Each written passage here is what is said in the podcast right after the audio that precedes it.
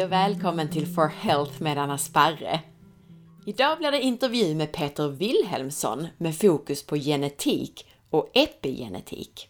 Och det som vi på svenska kallar omik, eller engelskans omics. Det här avsnittet ger dig bland annat en introduktion till DNA och epigenetik. Det handlar inte minst om samverkan mellan genetik, ditt DNA alltså, och din livsstil, som kosten du äter till exempel, och miljön du lever i. Du som tycker att det här ämnet är intressant kan gå en utbildning i DNA och DNA-tester i Stockholm i september. Peter berättar mer om denna utbildning med funktionsmedicinsk inriktning i slutet av intervjun. Och du kan också läsa mer och anmäla dig på alfaplus.se DNA och epigenetik. Du hittar anmälan längst ner till höger på sidan eller skicka ett mejl direkt till Alpha Plus om du vill anmäla dig. Det finns också en direktlänk till DNA-kursen från avsnittsinformationen för det här avsnittet på forhealth.se. Om du gillar den här intervjun så blir jag jätteglad om du vill dela med dig av den på Facebook, Instagram eller till en vän. Det gör det lättare för mig att få hit intressanta intervjupersoner. Tack på förhand! Glöm inte heller att boka mig som föreläsare till ditt event. Jag föreläser både för företag, föreningar och privata grupper. Och om du är nyfiken efter avsnittet så hittar du mer information på forhealth.se. Jag påminner också dig som inte redan gjort det, gå in och lämna ett betyg eller en recension i iTunes. Tänk på att även om du redan prenumererar på podden så behöver du söka fram podcasten för att lämna ett betyg. Du gör alltså inte det under Mina podcaster, utan söker fram podden på nytt i din telefon med hjälp av sökfunktionen. Och där kan du välja recensioner. Jätteviktigt för poddens överlevnad och ett stort tack till alla er som tagit er tid att göra det. Näringsmedicinaren Peter Wilhelmsson har skrivit många svenska hälsoböcker och är en av Sveriges mest välkända profiler inom naturmedicin och funktionsmedicin. Peter har dessutom hunnit utbilda massor med terapeuter och grundat näringsmedicinska företag och kliniker. Peter var också med i avsnitt 81 och då fokuserade vi på mikronäringsämnen som vitaminer, mineraler och antioxidanter. Och Peter berättar även mer om sin egen resa i det avsnittet och sin bakgrund i USA. Men idag ska vi alltså fokusera på våra gener.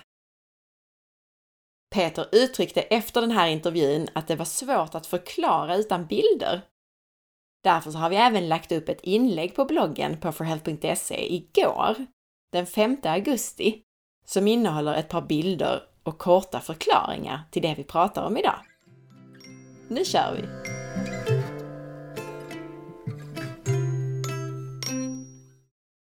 Hallå Peter! Hej, hej, hej! Först och främst Peter, så välkommen tillbaka till podden. Jätteroligt att du är med igen. Ja, tack så mycket och hälsningar till alla från Falun, vackra Falun. Ämnet idag är ju DNA och omik, eller på engelska omics. Vad är omik egentligen? Ja, omik är ju en paraply ord eller område om hela processen från våra instruktioner för generna, våra DNA och gener till eh, i slutändan vad som sker, eh, som heter fenotyp. Så att slutprodukten av de här olika processerna från våra gener och hur de påverkas av olika saker, i slutändan så har vi en, en slutprodukt som heter fenotyp. Och omik är ett sätt att förstå hela processen och man kan mäta då olika ämnen, olika hormoner, kemikalier, eh, gener eh, och i slutändan så förstår man hur det här sker och vad som påverkar eh, människans hälsa och uppbyggnad och uttryck. Så det du säger är att fenotypen är, kan man säga, en kombination av generna och miljön? Exakt. Och, och miken är då på något sätt hur man studerar detta genom att titta på olika kemikalier och ämnen i kroppen. Ja, och den, den är möjlig tack vare att det finns så mycket eh, utvecklad teknik och matematik och eh, data, data som kan analyseras. För det är eh, väldigt många små detaljer och enheter som sammanställs och analyseras för att ge information och klarhet vad det gäller hur generna påverkas av miljön i de här olika stegen. Så att OMIK är ju att man kan studera eh, just de här olika stegen och olika processerna. Och det, fanns, det var inte möjligt då 10-20 år sedan på grund av att vi hade inte den tekniken och den kunskapen. Så nu är det jättespännande att vi kan följa till exempel tvillingar eh, och mäta dem som NASA gör med eh, tvillingar för att se den ena tvilling är uppe i rymden och den andra tvillingen Eh, är på jorden och så kan de mäta alla möjliga processer eh, och hur det påverkar eh, olika hälsotillstånd och uttryck av olika stressfaktorer. Så nu kan vi mäta de här sakerna. Superspännande, verkligen. Jag tror ändå att vi måste börja med att ta ett steg tillbaka så att alla lyssnare verkligen kan hänga med i dagens avsnitt. Så mer grundläggande, vad är DNA och gener för någonting egentligen? Var finns de och vad gör de? Ja, eh, vi har ju eh, i våra kromosomer eh, så har vi de här eh, instruktionerna, vår, vår DNA som som en, en instruktionsbok kan man säga som, som visar våra celler vad de ska skapa, vad de ska bygga. Eh, så det i cellen det är som en bibliotek och våra kromosomer är en samling av proteiner och eh, DNA, vår genetiska kod. Och sen eh, böckerna, böckerna, där har vi den här samlingen, eh, alltså kromosomerna och sen själva orden, det är som våra eh, gener innehållande DNA då. Och sen kan de här orden tolkas på olika sätt och de kan förändras som i en film eh, så kan, eller i en bok så kan det redigeras så kanske ordet snäll kan eh, bli ett tryckfel redigeras till snål. så att hela bokens eh, säger, presentation av, av en person påverkas om de beskrivs som snål eller snäll. Så att om det, det ordet upprepas då tusen gånger i en bok så kommer man att få ett eh, intryck av den här personen som är annorlunda då om, om det står snål eller om det står snäll. Så att i början så står det snäll då och så sen på grund av olika faktorer, att vi blir tryckfel eller någon vill eh, ändra lite på den här beskrivningen så, så kan det omvandlas till snål. Och det är därför vi har enäggs, enäggstvillingar eh, som i slutändan eh, har, är väldigt olika. De är mera lik varandra i, i början då och så sen blir de mer och mer olika och de, oftast så dör de av olika sjukdomar och de har olika utmaningar, de är olika frisk och så trots att de startar eh, på grund av det här starka genetiska instruktioner, de startar eh, med, samma instruktionsbok så påverkas de av många olika saker genom livet som gör att i slutändan så blir de väldigt olika. Så summerat så säger du att i varje cell i vår kropp så finns hela det här biblioteket med alla de här instruktionerna. Och de instruktionerna talar om för cellerna vad de ska skapa, alltså vilka proteiner som enzymer till exempel som ska skapas. Men där finns skillnader och förändringar som kan uppstå lite grann beroende på miljö och sådär. Absolut. Och då är det molekyler, molekyler som arbetar hela tiden för att eh, eh skapa i slutändan vem vi är och, och det finns rester av olika molekyler och olika kemiska reaktioner som visar vad som har hänt. Och mätning av dessa kan man säga är omics, att man kan mäta de här olika molekyler, slutprodukter, olika typer av eh, hormoner, kemikalier och genuttryck och sen kan man se hela den här berättelsen, vad som har skett. Likasom om man, man träffar en äldre person så är det svårt för den här personen att berätta eh, alla detaljer om sitt liv. Men i det här fallet så kan man ta olika prover och så kan man få reda på massor med detaljer. Och det här används i medicinsk forskning för att till exempel eh, se vad, vad, vad gick snett? Hur kan vi påverka det med läkemedel eller med livsstil eller med olika faktorer? Vi har redan fått smakprov på det här, men, men inom genetiken eller omiken så slänger vi oss med massor med konstiga begrepp. Så innan vi pratar vidare så tänkte jag att vi pratar igenom lite av detta. Och jag har ett tiotal ord som jag vill att du förklarar för lyssnarna, helst på vanlig svenska. Och det första ordet är det som vi kallar för SNP, som man skriver SNP. Ja, det, det står för Single Nucleotide Polymorphism, men egentligen så använder vi ordet avvikelse. Och det är då när vi har den här geninstruktionen Sen kommer det att påverkas av dels epigenetiken, det som har hänt tidigare och olika miljö och livsstilsfaktorer som händer varje dag. Och när de här påverkande faktorerna kommer att göra att kanske den här ursprungliga genfunktionen fungerar bättre eller sämre. Så om, den, om det finns en avvikelse i den, i den normala funktionen, då kallar vi det för en SNP, SMP.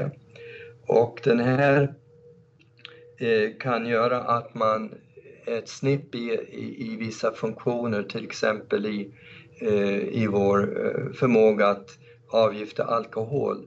Om man har en snipp där så, ha, så tål man inte alkohol lika bra. Eller om man har en snipp i saltkänslighet så kanske man inte tål salt lika mycket eller i gluten eller laktostolerans.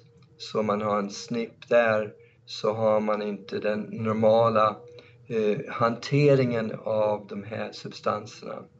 Så att en snipp är en avvikelse på en normal genuttryck som gör att vi kan då ha en nedsatt funktion.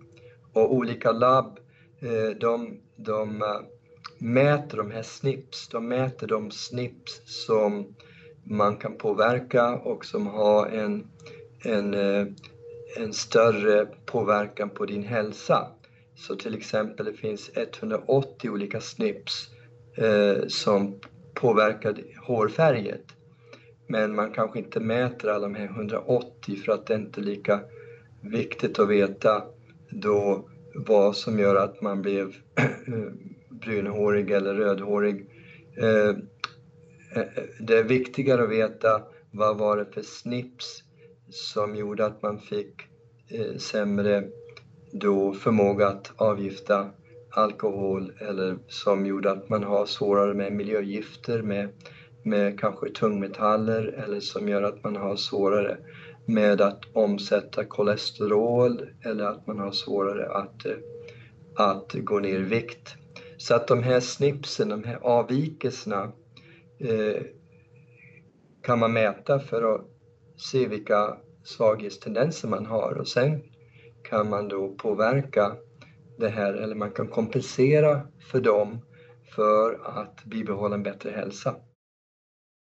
Och också kanske för att förtydliga för lyssnarna ännu mer så nämnde du ju generna innan och vi har ju massor med gener. Vi har ju 24 000 gener ungefär och då är ju den här lilla snippen, det är ju bara en liten plupp på en enda gen, eller hur? Ja, det, det, det är bara en eh, att den här vanliga genuttrycket eller användningen har modifierats. Eh, den har kanske tystas ner. Det är som att vrida en ratt eh, när man ska lyssna på musik. Att man kan eh, ha lite starkare ljud, man kan ha svagare ljud, man kan ratta ner så att man har inget ljud. Så att den här, den här normala inställningen av ljud eh, som då påverkar hur kroppen beter sig Eh, just i vissa sammanhang så kan den här ljudinställningen eh, tystas ner så att eh, man hör inte, alltså man hör inte instruktionerna på samma tydliga sätt. Eh, då kan man inte bygga proteiner eh, och vissa funktioner lider eller blir nedsatta om instruktionerna är inte tydliga. Och då tror jag många av lyssnarna har säkert hört ordet mutation, mutationer. Vad är skillnaden mellan SNPs och mutationer egentligen? Ja, mutationer det är mycket större eh, felaktigheter eh, i viktiga, eh, viktig information som gör att man kanske föds med autism eller man har någon eh, Eh, svårare typ av belastning eh, som sker. Eh, SNPs är mera eh, avvikelser, de är, det är mindre eh, felaktigheter eller påverkan men genom att de kan påverka eh, under hela livstiden eh, så kan de påskynda utveckling av kroniska sjukdomar till exempel om man inte är lika duktig på att uh, hantera socker eller blodsockret är instabil, det, då, då, får man skärpa sig och, och äta mer noggrann. Uh, men det är inte så att man har uh, plötsligt får diabetes mm. på grund av att man har en grov påverkan som en, en, en mutation kan göra då. Men, men det är mer att man har en subtilare påverkan som kan nedsätta vissa funktioner som på sikt kan göra dig, eh, eh kan bara ge dig en sämre hälsa då om inte upptäcker dem, om inte kompenserar för det och om inte hittar någon bra strategi för att ta, ta vara på den informationen. Och du sa ett par viktiga begrepp här för att dels så sa du variationer och sen så sa du felaktigheter. Och det är ju faktiskt precis så att man brukar ju kalla just de här snipsen brukar man ju kalla för variationer. För det kan ju vara så att de till och med kan vara positiva de där variationerna. Och inte alltid är något som är fel.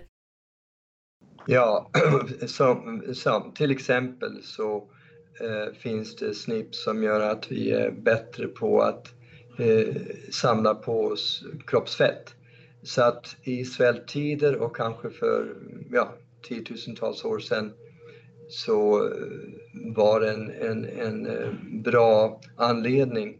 Eh, det var en fördel och det är ju fortfarande så med, med många som bor i, i svältsituationer att det är en fördel att vi har en, en snipp som gör att vi är duktiga på att samla på oss fett. Men om man lever i ett kultur och i ett samhälle där det vi har alltid tillgång till mat och man frestas av mat och man samlar lätt på sig kalorier och äter mycket.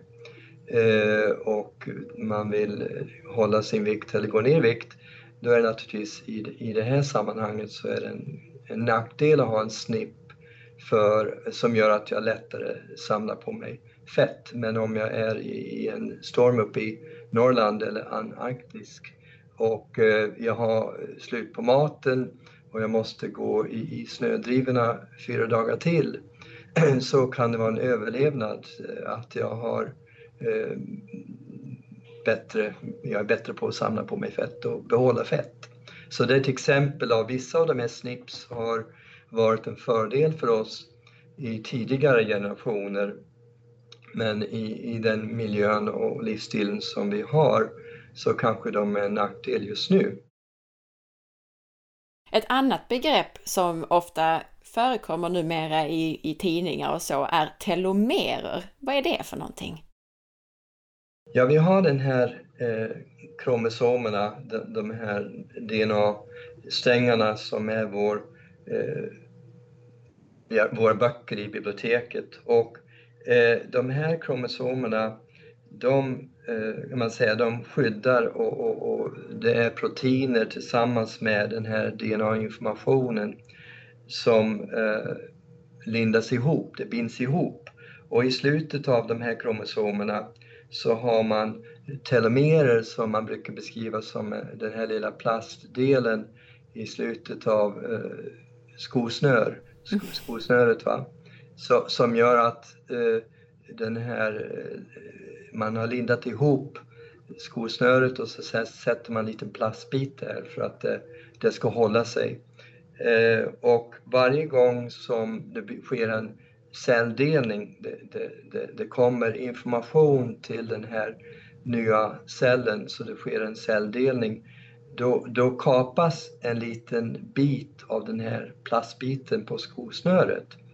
Så att när den har kapats eh, kanske 50, 60, 70 gånger så finns det ett kritisk punkt där själva eh, cellen, ursprungliga cellen dör och det här, de här kromosomerna dör och försvinner så att den kan inte kapas eh, hur länge som helst.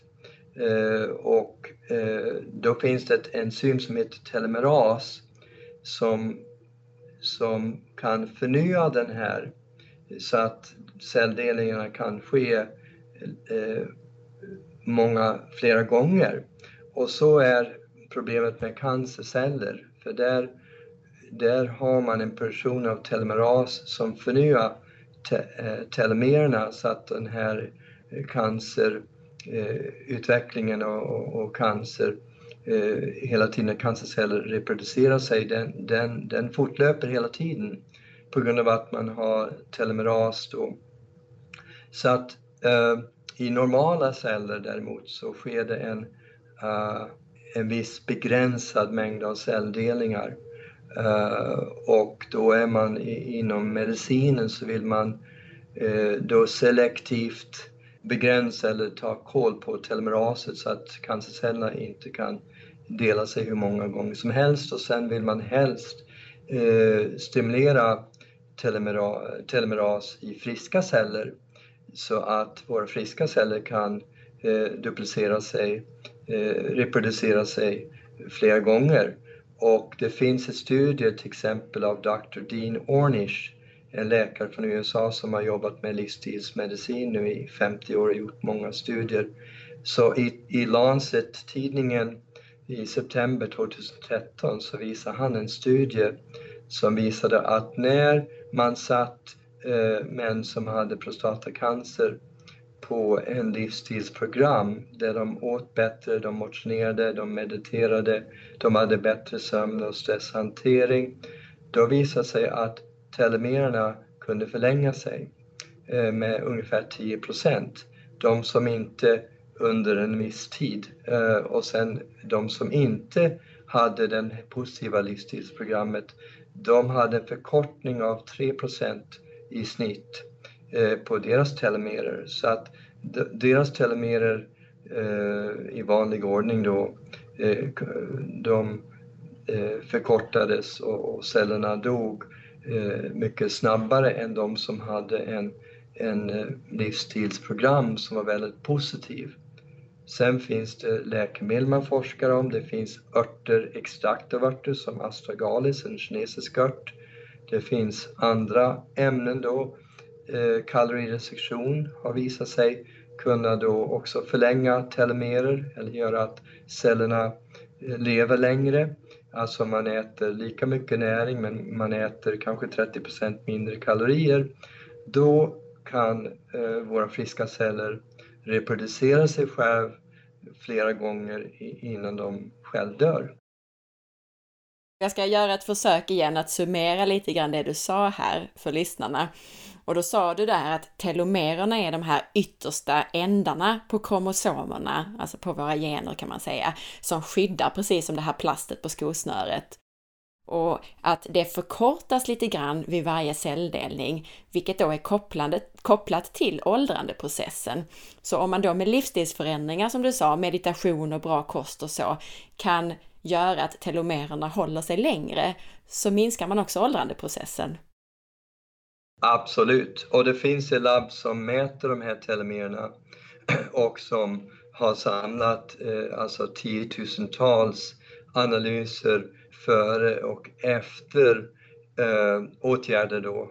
Eh, olika typer av åtgärder. Det kan vara motion, det kan vara avslappning, det kan vara läkemedelsbehandling, eh, det kan vara örtmedicinsk behandling.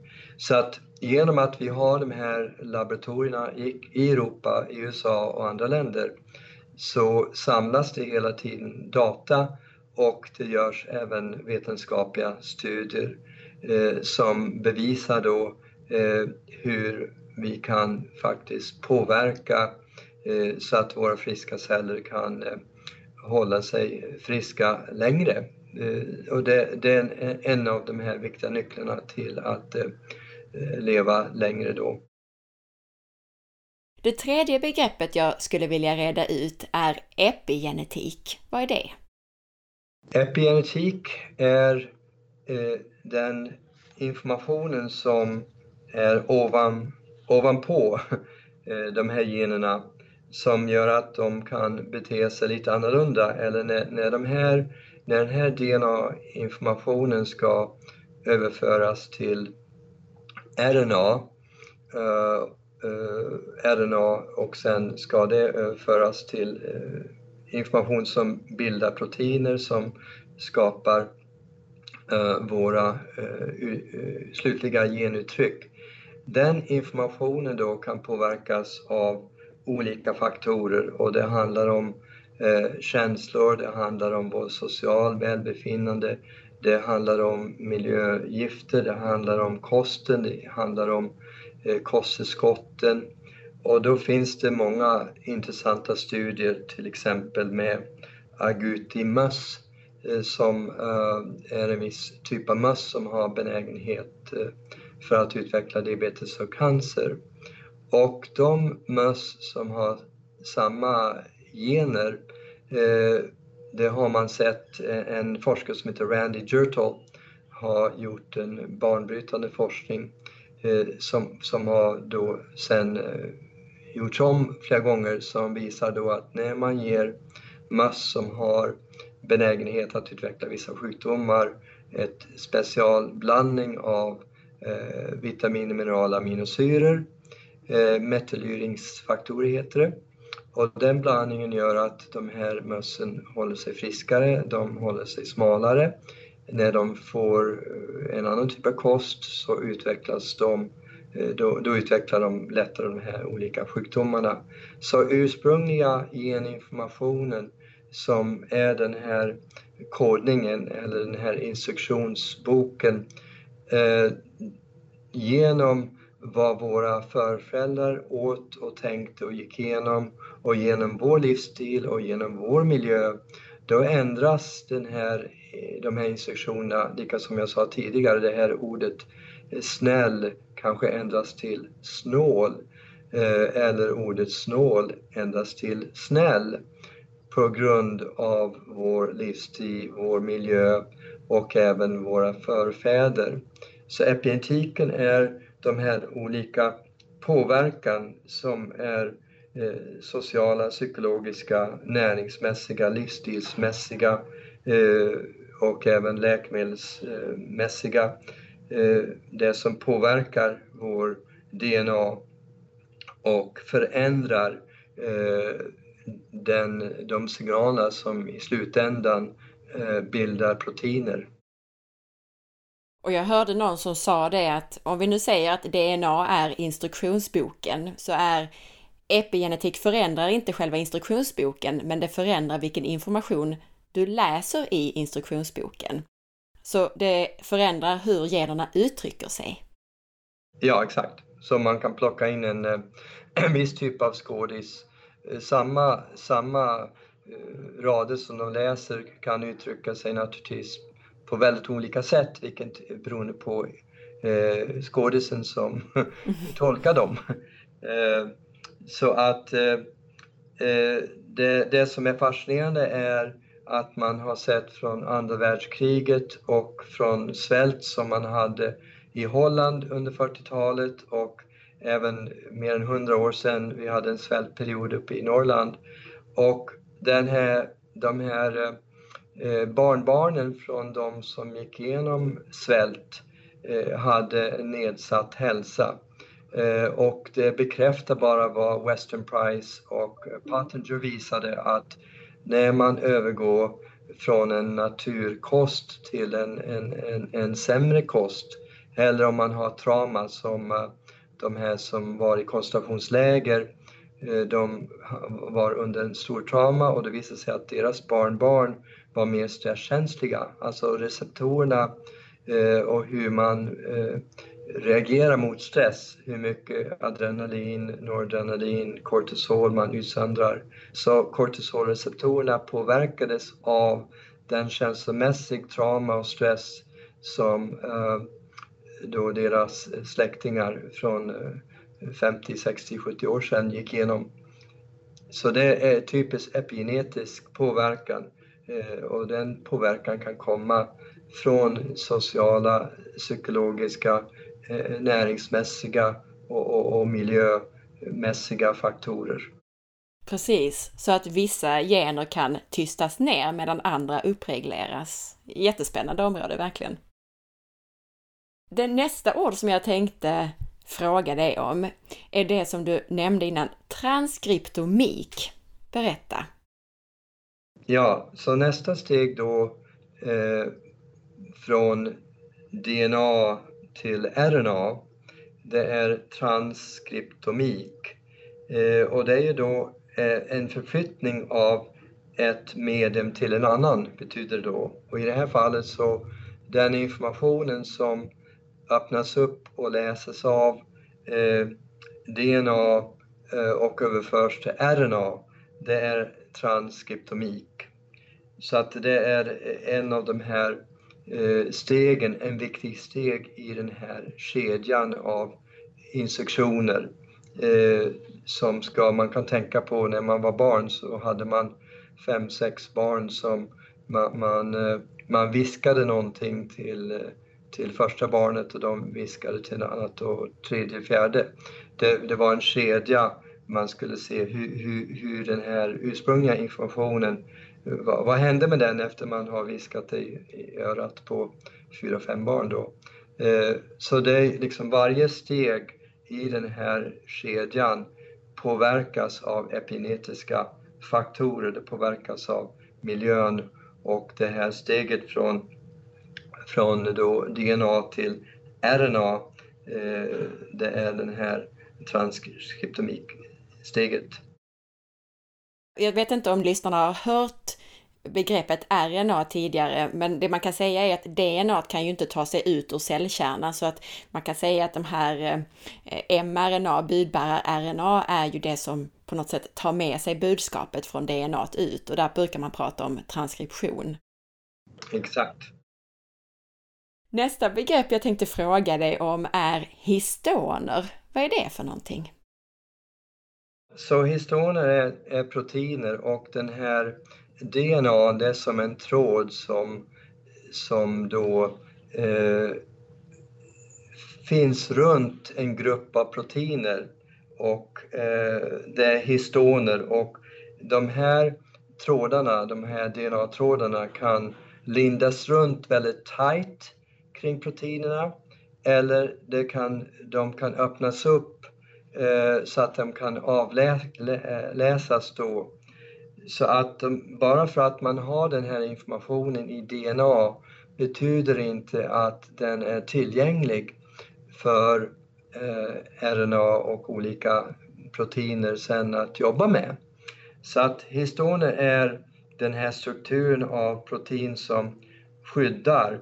Eh, jag pratade om kromosomerna tidigare, att det, det finns ju DNA eh, Eh, i kromosomet som finns i, i, i, en, kan man säga, som en miljö av eh, skyddande proteiner. Och det är de här histonerna och då, då kan eh, de här livsstilsfaktorerna, näringsämnen, de kan öppna upp eh, de här DNA och det är det som heter eh, acetylering.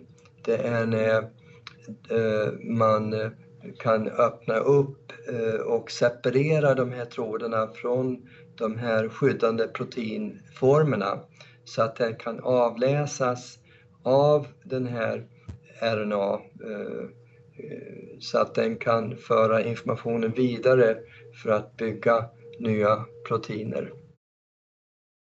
Så jag ska försöka summera igen och då är histonerna de här proteinerna kring vilka DNA-spiralerna är uppsnurrade. Och om de är uppsnurrade hårt eller löst spelar roll då för hur bra de kan avläsas. Så att det här acetylering som du nämnde kan man då säga är en sorts uppreglering av genen. Ja, exakt. Och det motsatta, eller en annan, eh, en annan påverkan som oftast är en nedreglering eller att man tystar vissa gensignaler, det är metylering. Eh, så, så, så metylering gör att eh, om man har gensignaler eller genuttryck eller sådana här eh, kanske eh, signaler eller information som inte är bra för kroppen, då kan metylgrupper, eh, sådana här molekyler då CH-molekyler eh, eh, komma in och eh, tysta ner den här informationen så att man, man rattar ner den här, den här instruktionen så att det inte blir negativa uttryck eller det hjälper att reglera så att vi håller oss friska. Den här metyleringen är kan man säga en typ av detox på, på cellnivå och på eh, hela den här omix-nivån. Det, det, är ett sätt som vi reglerar så att de här signalerna som inte är bra för vår hälsa, eh, de hålls tysta. Och sen acetylering, eh, det ska ske automatiskt så att den informationen som vi behöver läsa, eh, den öppnas upp så att vi kan läsa den, så att vi kan bete oss normalt. Så att när vi till exempel behöver uh, aktivera enzymer som avgiftar alkohol när vi dricker alkohol, då kan vi aktivera de enzymerna. Eh, så att det, det, alla de här funktionerna som ska ske eh, vid en väldigt kort tid, eh, att det, det, ska produceras massor med enzymer eller det ska, eh, det ska kanske hämmas produktion av vissa enzymer. Allt det där styrs då Eh, mycket av det här acetyleringen och mytyleringen. De här begreppen är ju väldigt tätt knutna till det ordet du nämnde innan, epigenetik, för just det här med metyleringen, att det kan tysta ner gener, gör ju att även om vi har en gen för att till exempel lättare samla på oss kroppsfett, så kan vi ju med olika livsstilsfaktorer tysta ner det lite grann. Absolut, det är som, det är, det som är så viktigt med den här informationen att jag vill att alla ser det som en stor möjlighet. Med, med, med kunskap så har vi möjligheter att påverka eh, saker och ting. Eh, så att man kan säga att genomet, det är vad kan hända. Och eh, när vi går in på det här trans, transkri, transkriptomik, det är vad som håller på att hända eller vad, vad vad man, man ser håller på att hända. Och sen proteomik, det är vad som verkligen händer. För då har, då har proteinerna fått instruktioner från eh, RNA. Aminosyrorna har bildats, de håller på att bildas för att utföra olika typer av arbete. Och sen det här sista, eh, metallomik, det är vad som har hänt. Vi kan mäta olika syror, vi kan mäta och se, skedde det eh, i balans, skedde det på ett bra sätt? Vi kan mäta organiska syror i efterhand, vi kan mäta fettsyror, vi kan mäta aminosyror, vi kan mäta hormoner. Så att labbanalyser som mäter eh, restprodukter, till exempel i urin, de är organiska syror, de mäter i slutändan, hur gick det till? Hur, hur blev det? eh, när man hade den här eh, interaktionen mellan eh, miljön, livsstilen och våra gener. Och sen måste vi också tillägga vår mikrobiom, för vår mikrobiom interagerar också med våra gener och påverkar, har en epigenetisk påverkan i, i, i allt det här. Så därför är det så viktigt att vi eh, har en väldigt eh, frisk tarmflora. För det, tarmfloran påverkar också vår genitryck. Så nu fick du med massor med begrepp här och det man kan säga då är att först så sa du genetiken som är instruktionsboken och sen har du översättningen därifrån som är då den här transkriptomiken. Och sen pratade du om proteomiken som är då proteinbyggnaden, alltså när man bygger proteiner som enzymer och annat. Och sen var det sista du sa, var det metabolomiken? Ja, exakt. Förklara den eh, kort igen då, summera metabolomiken.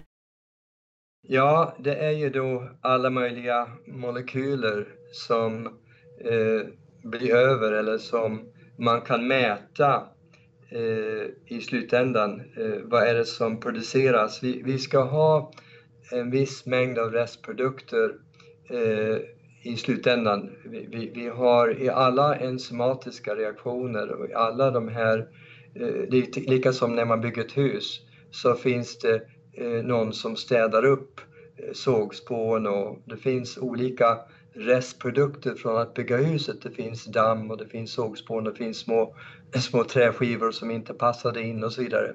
Så att då mäter man de här restprodukterna och aktiva produkter och så vet man då att eh, till exempel om man inte eh, om det inte finns eh, tryptofan i urinen, då eh, kan inte kroppen tillverka tillräckligt med serotonin eller om det inte finns tyrosin så kan inte kroppen tillverka tillräckligt med dopamin. Eh, så att man har olika restprodukter som man kan mäta eh, och man kan avläsa eller man kan se hur effektivt eller hur bra olika saker sker i kroppen. Ett annat begrepp som vi också behöver definiera är nutrigenomik. Vad är det för någonting? Ja, vi har nutrigenomik och det är, det är faktiskt hur, våra, hur våra näringsämnen påverkar generna. Och det berättade jag om till exempel som exempel med det här eh, agouti-mössen. Att när man hade eh, nedsatta Eh, gensignaler så kunde man rätta till dem eller man kunde kompensera för dem. Det, det, eh, så att även om man har tendenser eller svagheter eller benägenhet att utveckla vissa sjukdomar eller vissa problem så finns det oftast eh, eh, näringsämnen som kan gå in och korrigera eh, den här informationen. Vi, pratade tidigare om hur en, en skript eller hur en berättelse kan förändras. Att snäll kan bli snål men, men också om man har någonting som man, man inte tycker är bra så kan man förändrar med näring. Och då är det eh, nutrigenomik, det är hur vi påverkar med näring. Eh, farmogenomik är hur vi påverkar med läkemedel.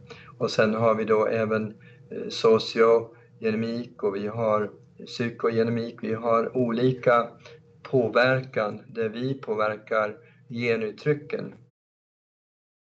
Och då finns det ett liknande ord också som heter nutrigenetik. Vad är det då? Ja, så nutrigenetik är när pilen går åt andra hållet. Det är när våra gener, våra gen eh, avvikelser till exempel, våra snips påverkar hur bra vi använder näring. Så att om vi har då en, en snipp som gör att vi har svårt att använda folsyra i kosten, till exempel vi har svårt att eh, aktivera det till sin mera aktiva, användbar form, då kommer det göra att vi har nackdelar eller vi har olika, vi kan lättare eh, få olika typer av problem. Så att när man har det här eh, negativa påverkan från generna, eh, det kan påverka att man behöver ta mera näringsämnen för att kompensera för det. Eller man behöver ta andra näringsämnen för att kompensera för det. Det kan göra så att man till exempel också som jag sa tidigare att man har lättare att eh, samla eh, fett. Man kanske har svårare att bryta ner flermättade fettsyror eller man har svårare att bryta ner mättade fettsyror.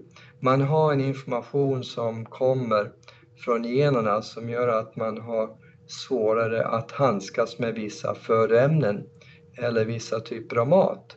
Så att när man gör en genanalys och får reda på det här, då kan man lättare eh, justera sin kost eh, och då kan man se till att man får bättre näring och bättre användning av sin kost när man vet vilka eh, svagheter man har. Så nutrigenetiken är hur generna gör hur vi svarar på olika näringsämnen, medan nutrigenomiken är då det omvända kan man säga att då kan vi utnyttja den här informationen till att vi äter näringsämnen som i sin tur kan påverka hur våra gener uttrycker sig. Absolut.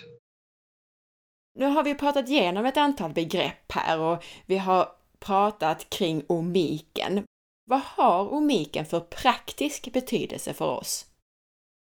Ni kommer att läsa mycket närmaste 5 till 10 år om eh, eh, nya genombrott vad det gäller att mäta alla de här stegen då av hur, vad som håller oss friska och vad som gör oss sjukare och hur vi kan hålla oss friskare.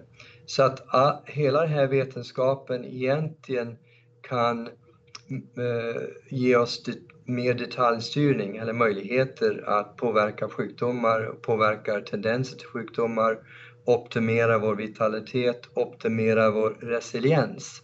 Så att i, inom funktionsmedicin pratar vi mycket om resiliens, vi pratar om organreserv och det betyder att det är inte bara eh, man fokuserar på vad man har för svagheter eller avvikelser men även hur vi kan eh, hålla oss så friska som möjligt. Vad vi kan göra för att eh, hålla den här optimala, vitala vitaliteten, att den kan fortsätta eh, tills man är 70, 80, 90, 100 år. Så hur kan vi, inte bara hur kan vi göra för att undvika sjukdomar eller minska risken för sjukdomar, men vad kan vi göra även som gör att vi omringar våra gener med eh, optimal miljö som gör att de här generna beter sig på ett optimalt sätt. Så att den här informationen kan ge oss eh, mycket mer specifik råd, så det är bättre att mäta än att gissa brukar jag säga. Eh, det är bättre att veta i förväg om man har möjligheter för att påverka saker än man väntar tills man blir överraskad av, av någonting. Så att eh, eh, genom att de här labben mäter de här viktiga markörerna som eh, påverkar din långsiktiga hälsa så är det väldigt bra att, att veta det då. Även om man har en liten bebis som är ett år gammal så kan det vara bra att göra en genanalys för då vet man till exempel om de har, eh, kommer att ha svårigheter med laktosintolerans eller med fruktosintolerans eller med, eh, med att handskas med miljögifter eh, eller andra, andra saker. Då kan man omringa dem med en miljö som eh, gynnar de positiva genuttrycken och utveckling av geninformationen som är positiv och som begränsar uttryck av det som kan vara negativt för deras hälsa. Så att jag, jag ser den här informationen, ju mera den eh, kommer eh, och priserna går ju ner hela tiden, likaså med andra saker inom, inom eh, databranschen och analysbranschen. Så att det här gör att man kan bättre Eh, fatta beslut, man behöver eh, gissa mindre vad som är bra för mig, vilken typ av kost är bra för mig, vilka typer av kosttillskott är bra för mig. Eh, och så kan man då ha den här informationen som en, en proaktiv eh, information som man kan använda för att eh, hålla sig friskare. Och det du sa här lite på slutet, är det då att man till exempel skulle kunna mäta dels sitt DNA eller specifika sådana här snips på sitt DNA i en DNA-analys och sen kan man kanske kombinera den med metabolomik där man analyserar då metabola nedbrytningsprodukter som till exempel i sådana här organic acids test. Tolkar jag det rätt då?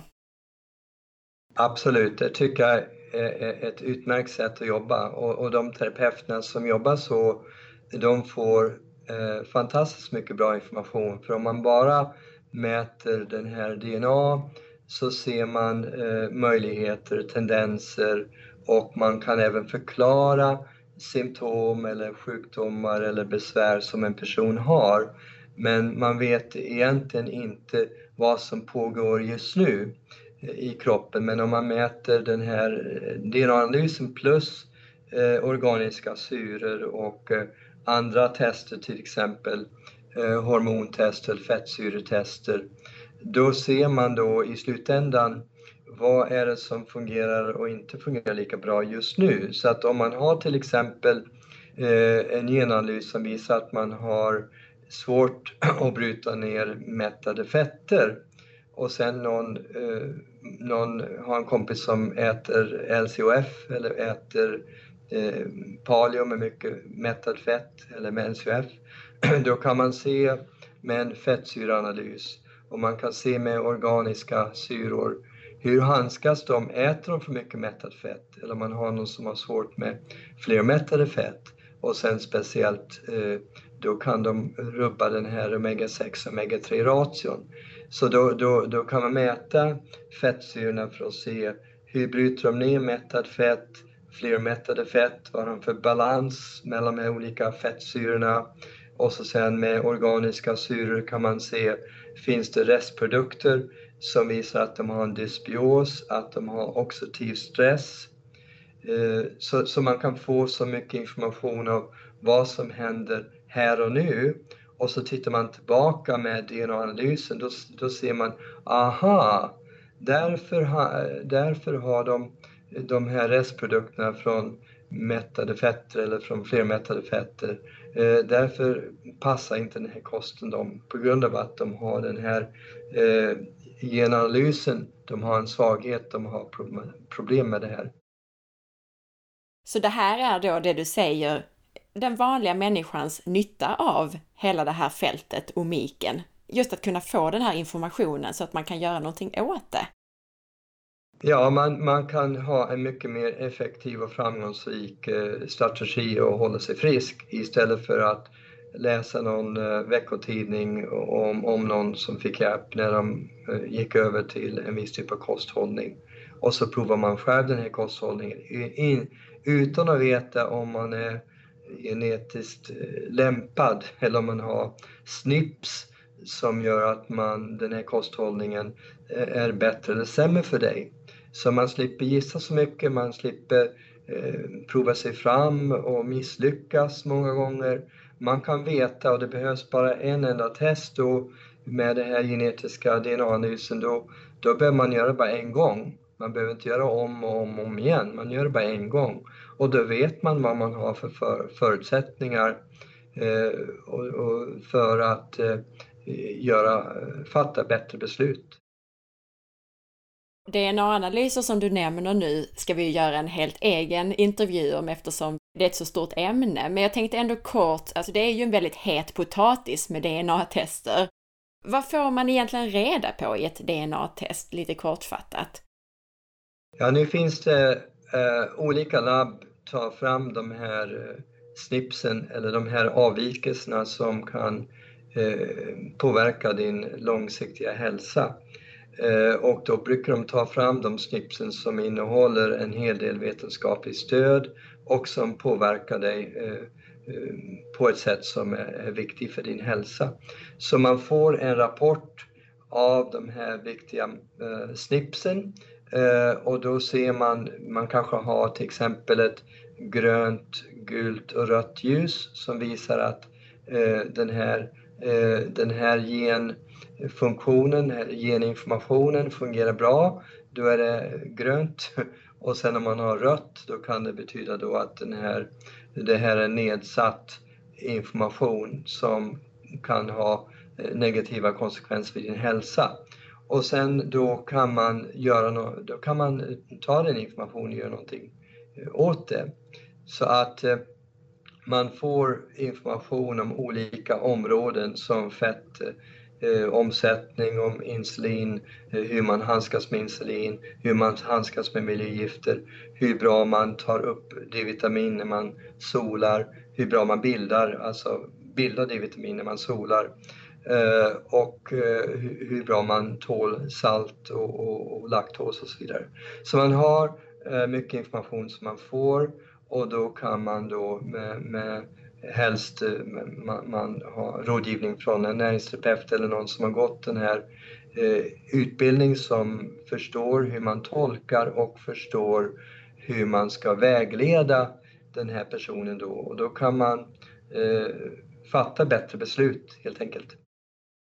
Och som ett exempel, jag nämnde faktiskt i ett tidigare avsnitt att jag själv har sett i mina DNA-analyser att jag har lite försämrad möjlighet att bryta ner just gifter i kroppen. Då kan jag använda det till att dels vara försiktig med saker som alkohol och koffein, men också vara väldigt noga med att köpa ekologisk mat till exempel. Exakt, och man, man kan ju ha barn som går i samma skola, utsätter sig för samma miljö. Och ena barnet verkar vara känsligare, de får mer förkylningar. Det kanske finns lite grann mögel i skolan, eh, lite grann i vissa klassrum eller vissa avdelningar. Och ena eh, barnet eh, är sjuk mycket, mycket oftare än andra barnet eh, trots att de har samma kost och samma eh, familj och samma miljö. Och, och, då kan man få en förklaring till varför kanske eh, ena barnet eh, har mera problem än andra barnet. Det kan ju vara att de har de här eh, snipsen som gör att de är känsligare. Hur kommer hela den här spännande utvecklingen av omiken påverka oss längre i framtiden? Jag tänker om tio års tid, vad tror du?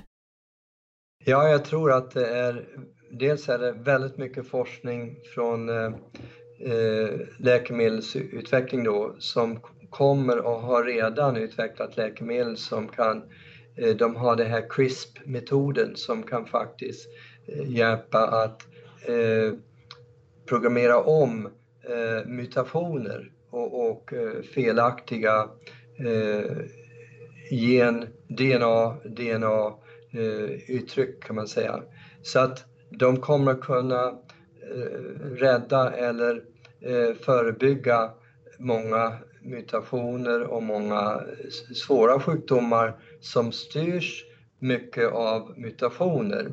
Däremot de här eh, uh, SNPs uh, eh, svagheterna, de här avvikelserna och tendenserna till kroniska problem, där tror jag att uh, den här kunskapen kommer att bekräfta det som vi har pratat om eh, i alla år kring livsstilsmedicinen. Det kommer att bekräfta vad Weston Price kom fram till och, och vad eh, Pattinger kom fram till och vad andra kommer fram till som Dean Ornish. Att, eh, att en balanserad positiv livsstil med kärlek, med positiva känslor, med sömn, med rätt kost, med rörelse, eh, att det håller oss friskare.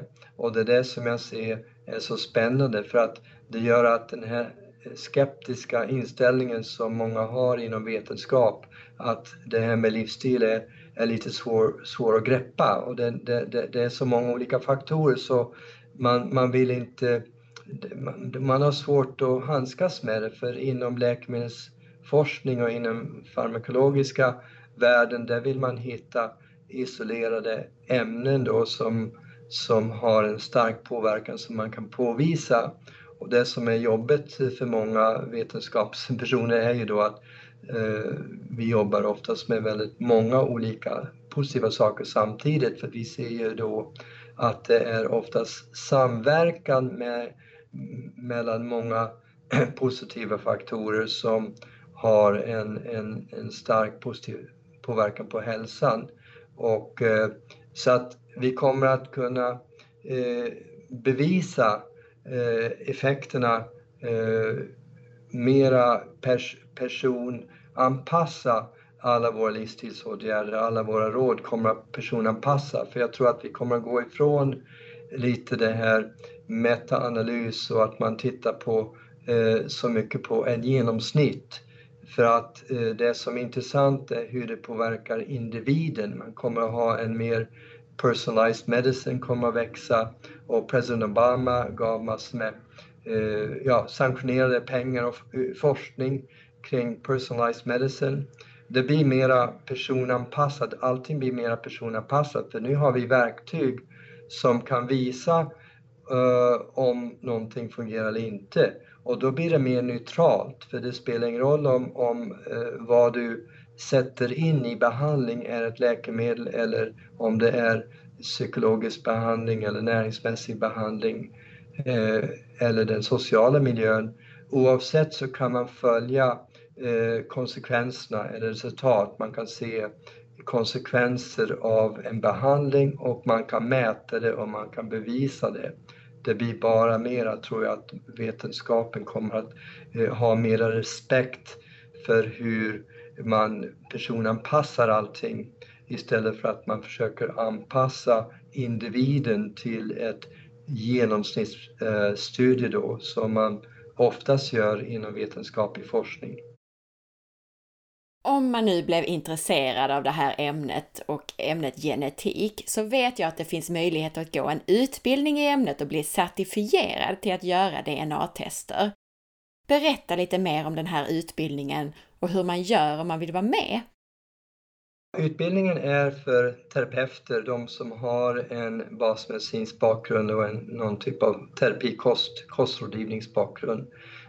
och sen Eh, att den är för att hjälpa dem att vägleda eh, sina patienter och klienter på ett eh, mer noggrant och mer omfattande sätt.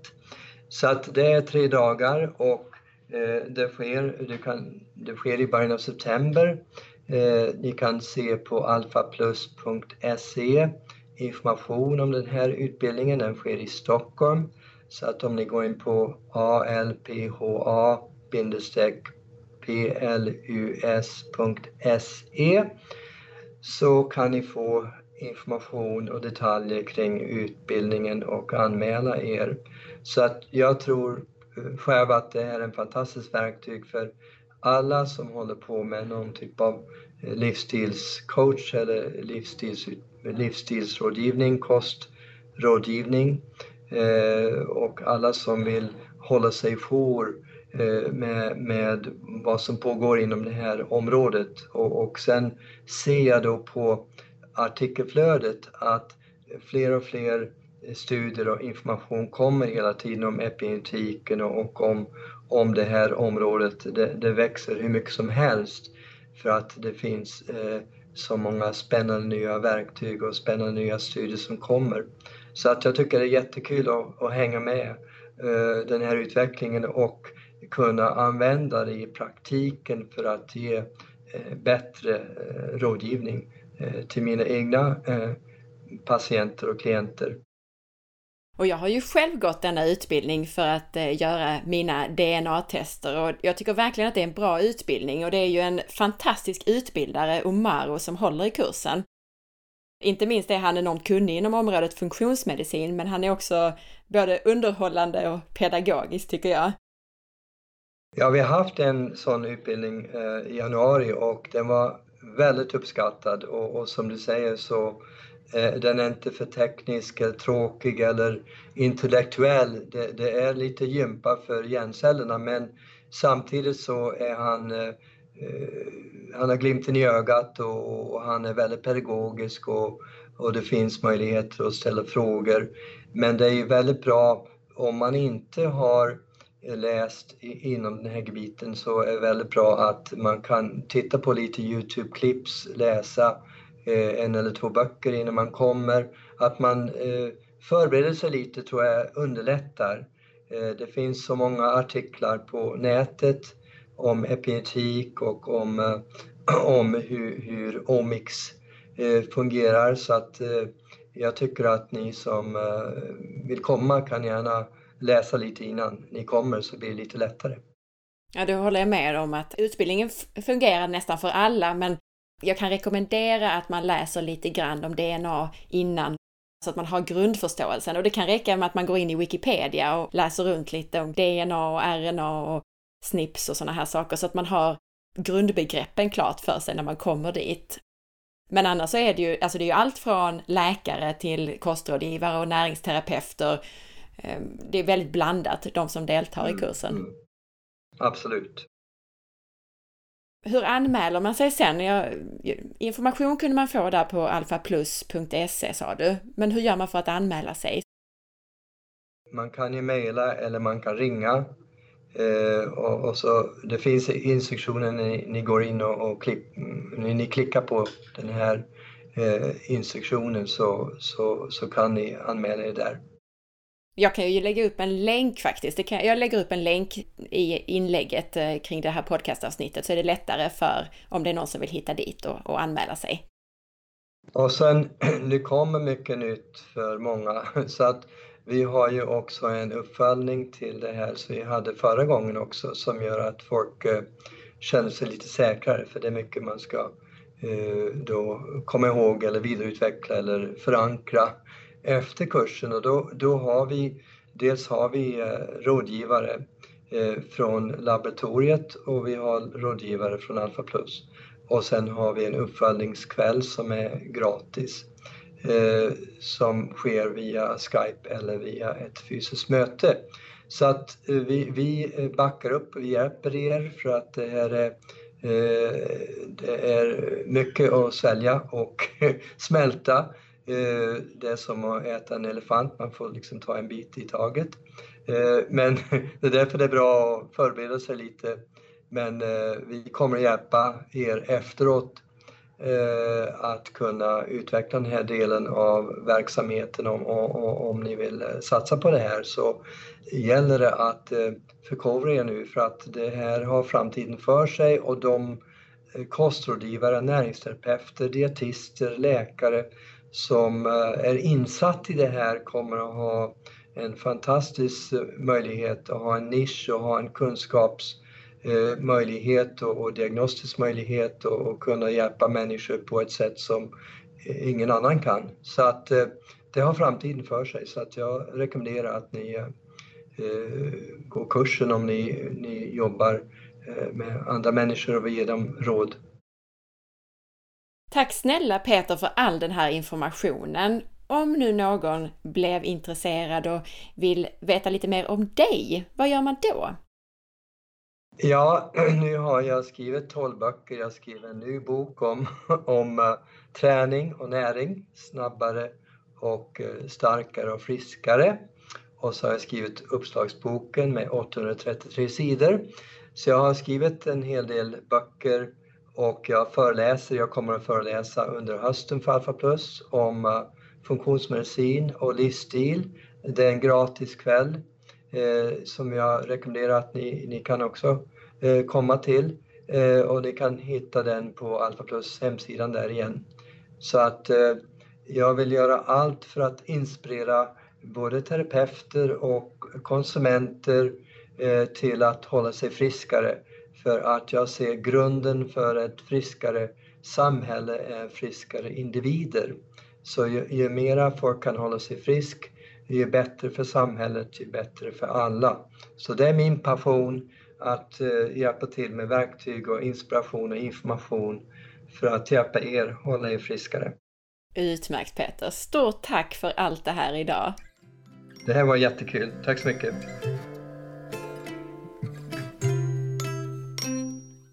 Tack för att du lyssnade!